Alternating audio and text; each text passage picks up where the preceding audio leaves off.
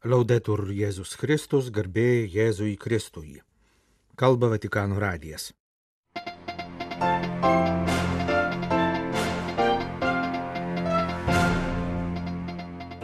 Baigėsi popiežiaus pasiuntinio misija Junktinių valstybių sostinėje.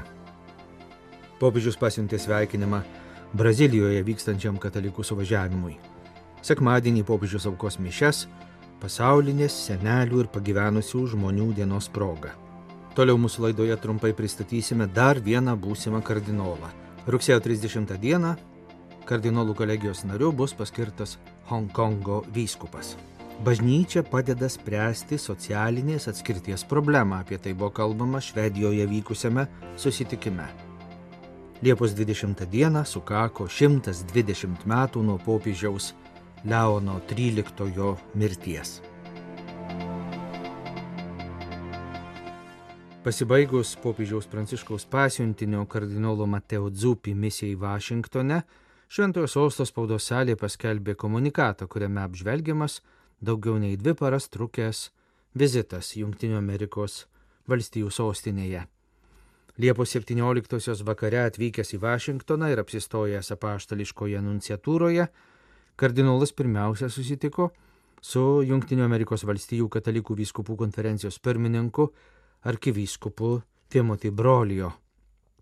Kitos dienos rytą Vatikano delegacija, prie kurios prisijungė apaštališkasis nuncijos arkivyskupas Kristofas Pieras ir nunciatūros patarėjas, susitiko su Junktinių Amerikos valstijų vyriausybės Helsinkio komisijos nariais kuriems pristatė popiežiaus pavestos misijos pobūdį bei kartu svarstė, kaip ją būtų galima padaryti veiksmingesnę.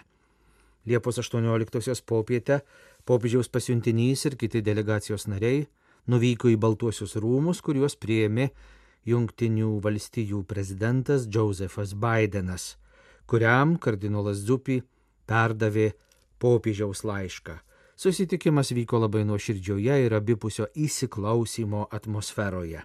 Liepos 19 rytą Vatikano delegacija dalyvavo Junktinių Amerikos valstijų Senato maldos pusryčiuose, kurių metu kardinolas Dzupi informavo dalyvius apie susitikimus vykusius įvairiais jo misijos etapais.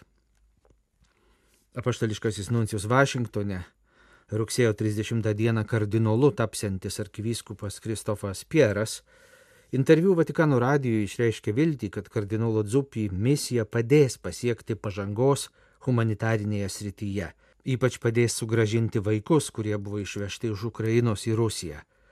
Popiežiaus pasintinio susitikimuose dalyvavęs arkivyskupas sakė, kad Junktinių Amerikos valstijų prezidentas labai atidžiai klausėsi, ir išreiškė pasitenkinimą popiežiaus iniciatyva. Nuncijus pridūrė, kad nors kol kas kardinolo Dzupi misija apčiuopiamų rezultatų nedavė, svarbu dėti visas pastangas kenčiančiųjų labui. Nuncijus taip pat pabrėžė, kad per visus Vašingtone vykusius kardinolo susitikimus jis matė, kaip pašnekovai jautriai reaguoja ir yra pasirengę padėti. Turime dirbti žingsnis po žingsnio žengėme pirmą žingsnį, kai tai įmanoma, ir vienas iš tokių žingsnių yra būtent tai, ką daro kardinolas Dzuppi, nepretenduodamas, kad gali viską išspręsti, sakė Nuncijus, pridurdamas, kad jis žiūri į ateitį su viltimi. Apie popiežiaus pasiuntinio kardinolo Dzuppi vizitą Vašingtone Vatikano radijui kalbėjo ir Junktinių Amerikos valstijų vyskupų konferencijos pirmininkas arkivyskupas Timothy Brolio.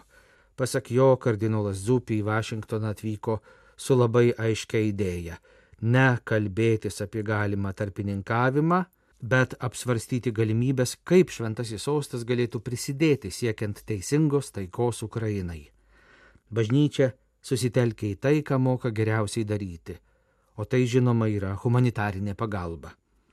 Kalbėdamas apie bažnyčios jungtinėse valstijose pagalbą Ukrainai, arkivyskupas sakė, kad šalies katalikų reakcija į ukrainiečių kančias ir karo sukeltus humanitarinius poreikius buvo labai greita ir geranoriška.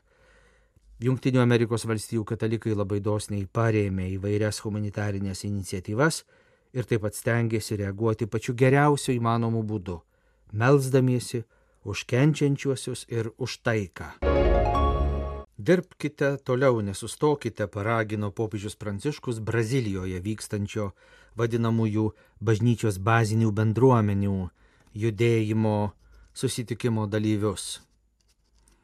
Tai grupės siekiančios trijų pagrindinių tikslų - atgaivinti parapijas per pasauliečių iniciatyvas iš apačios, gilintis į Dievo žodį, siekti pokyčių bendruomenės gyvenime, ypač vargstančiųjų labui. Šis judėjimas labai paplitęs visoje Latino Amerikoje.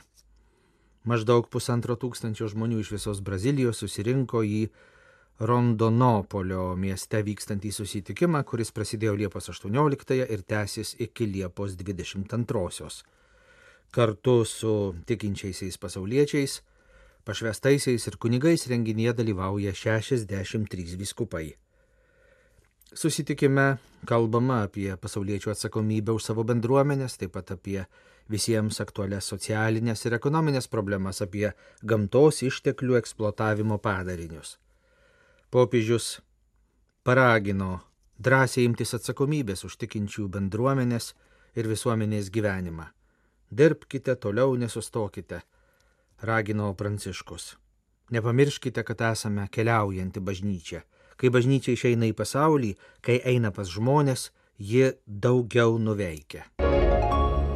Liepos 23 rytą pasaulinės pagyvenusių žmonių, senelių ir senolių dienos proga popiežius aukos šventasis mišes Šventojo Petro bazilikoje pasakys homiliją. Po mišių Romos vidudienį popiežius su tikinčiaisiais kalbės tradicinę Marijos maldą bazilikos aikštėje, kreipsis į maldos dalyvius.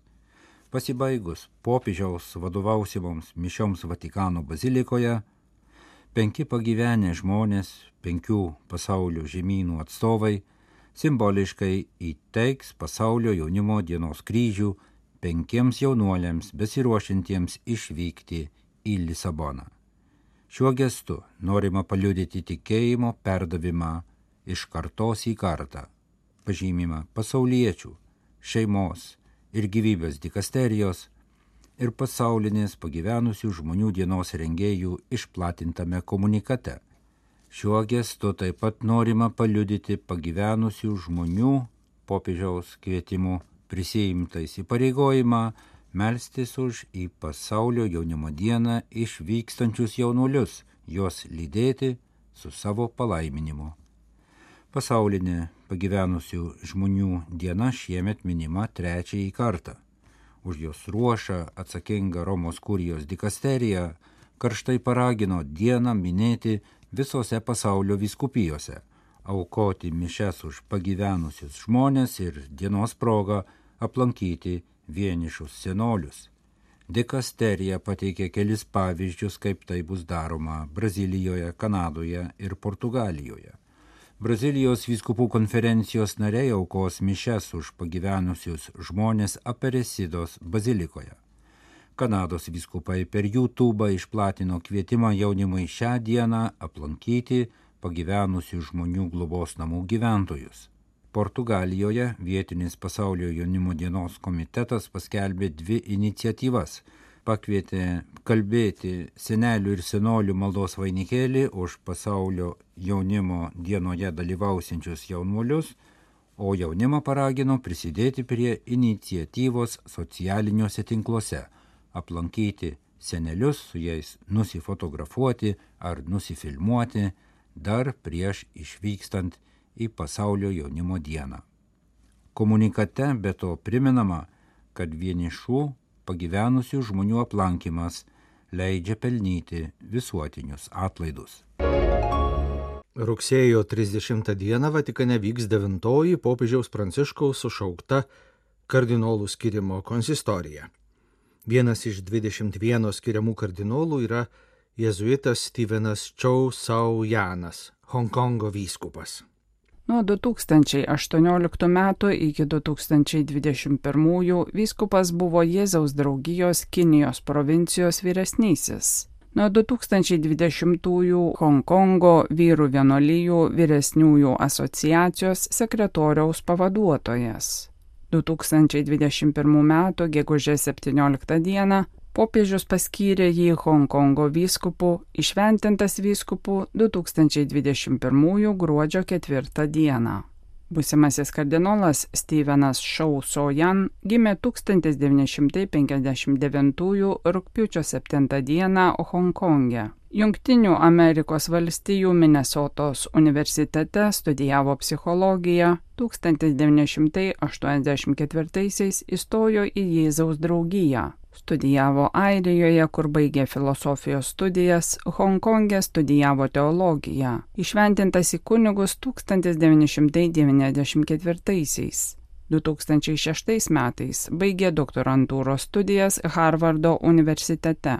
Jėzaus draugijoje jis vykdė įvairias tarnystės edukacijos rytyje, Nuo 2013 iki 2017 metų provincijos konsultorius, nuo 2017 metų viskupijos edukacinės tarybos narys. Balandžio mėnesį lankydamasis Pekino viskupijoje paskirtasis kardinolas sakė, kad vizitas pabrėžė Hongkongo bažnyčios misiją būti tiltu ir skatinti mainus bei sąveiką tarp abiejų pusių. Vyskupas taip pat paragino užmėgsti glaudesnius ryšius tarp Hongkongo viskupijos ir jų kolegų žemyninėje Kinijoje.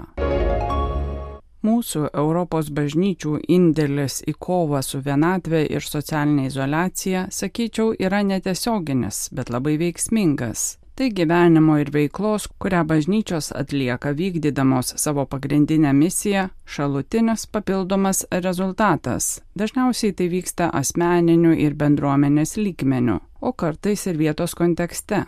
Kunigas Manuelis Enrique Barijos Prieto ES viskupų konferencijų komisijos generalinis sekretorius apie tai kalbėjo nesenai Stokholme surinktame renginyje Vienatvė - politikos galimybės kovoti su vienatvė ir stiprinti psichinę sveikatą ES. Renginį organizavo pirmininkavimą ES tarybai ką tik baigusi Švedija. Kunigas Barijos Prieto pabrėžė teigiamą bažnyčių vaidmenį kovojant su vienatve, išvardydamas kai kurias veiklas, kurių bažnyčios imasi siekiant įveikti socialinę izolaciją. Visų pirma, bažnyčios pabrėždamos bendruomeninio gyvenimo svarbą suteikia erdvę socialiniai sąveikai. Antra, kai bažnyčių nariai ateina pas labiausiai pažeidžiamus ir atskirti išgyvenančius asmenys visuomenėje, jie pasiekia žmonės ir vietas, kurių nepasiekia arba negali pasiekti kitos visuomenės institucijos. Draugauti yra bažnyčių misijos dalis. Be to, kai bažnyčiose minimi svarbus žmonių gyvenimo momentai - gimimas, pilnametystė, santuoka, lyga, mirtis - suteikiama galimybė išgyventi šias akimirkas kartu su kitais. Bažnyčių vykdoma savanoriška ir labdaringa veikla suteikia galimybę susidraugauti su kitais ar bet kuriuo atveju nuveikti ką nors prasmingą, naudingai išnaudoti laisvalaikį. Bažnyčios taip pat veikia ir išreiškia save toje kultūroje ir visuomenėje, kurioje jos yra, jos yra įkultūrintos, kaip sakoma teologiškai. Pasak dvasininko, šiandien daugumos bažnyčių mokymas skatina integralią ekologiją, Tai yra mūsų aplinkos apsauga ir tuo pačiu metu socialinį teisingumą, nes jie tarpusavyje susiję. Tai prieštarauja mūsų visuomenėse egzistuojančiam individualizmui ir tendencijai į pernelik didelę rinkos ekonomiką, kuri remiantis įvairiais tyrimais veda į izolaciją ir vienatvę. ES viskupų konferencijų komisijos generalinis sekretorius pažymėjo, kad bažnyčių siūloma galimybė turėti asmeninį dvasinį vadovą ir kalbėtis su bažnyčios dvasininkais suteikia puikią progą nuoširdžiam asmeniniam susitikimui. Visi šie dalykai, padedantis kovoti su vienatvė ir socialinė izolacija, bažnyčiose įgyvendinami netiesiogiai ir tai labai svarbu, nes padeda išvengti stigmatizavimo. Žmonės eina į bažnyčią ne dėl to, kad nori išsigydyti nuo vienatvės, o dėl kitų priežasčių. Tačiau bažnyčioje pasitinkančios aplinkybės ir gautos priemonės yra veiksmingos įveikiant vienatvę. Per Stokholme vykusi susitikimą siekta iš įvairių perspektyvų aptarti su vienatvė susijusius iššūkius, bei geriau suprasti, kokios strategijos ES nacionaliniu ir vietos lygmeniu turėtų spręsti šias problemas, ypač po koronaviruso pandemijos.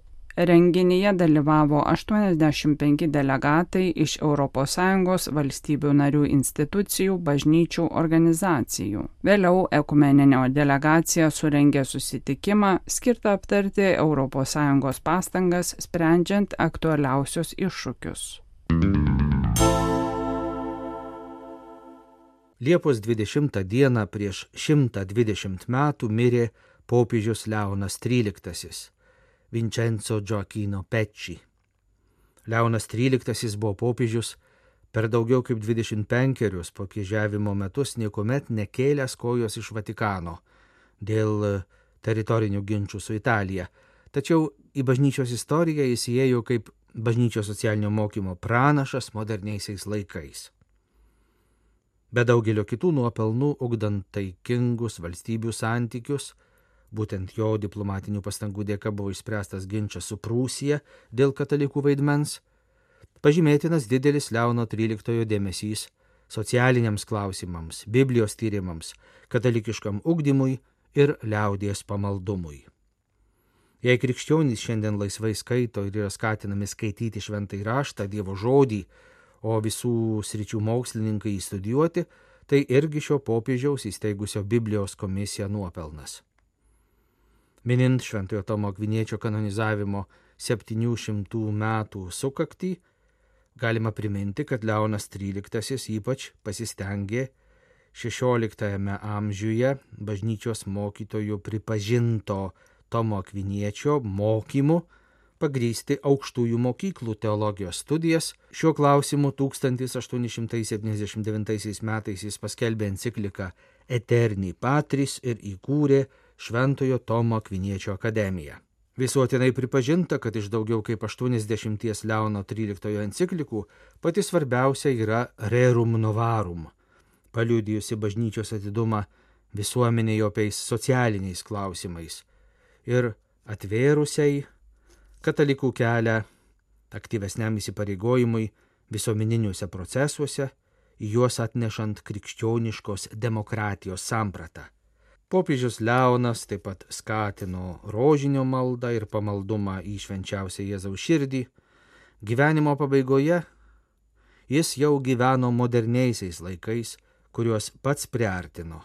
Leonas XIII yra pirmasis kino juostoje įamžintas apaštalo Šventojo Petro įpėdinis Romoje, pirmasis savo balsu į fonografo cilindrą įrašęs apaštališką į palaiminimą ir sveika Marija maldą pirmasis leidęs panaudoti savo atvaizdą savo pamėgto alkoholinio gėrimo vinmarijanį - vyno ir kokainmedžio lapų iš perų ekstrakto mišinio reklamai.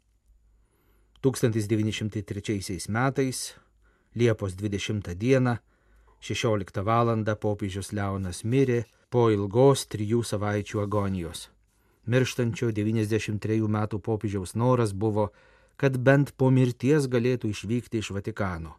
Gerbent jo valią, Leonas XIII palaidotas Romos vyskupijos katedroje, Laterano bazilikoje.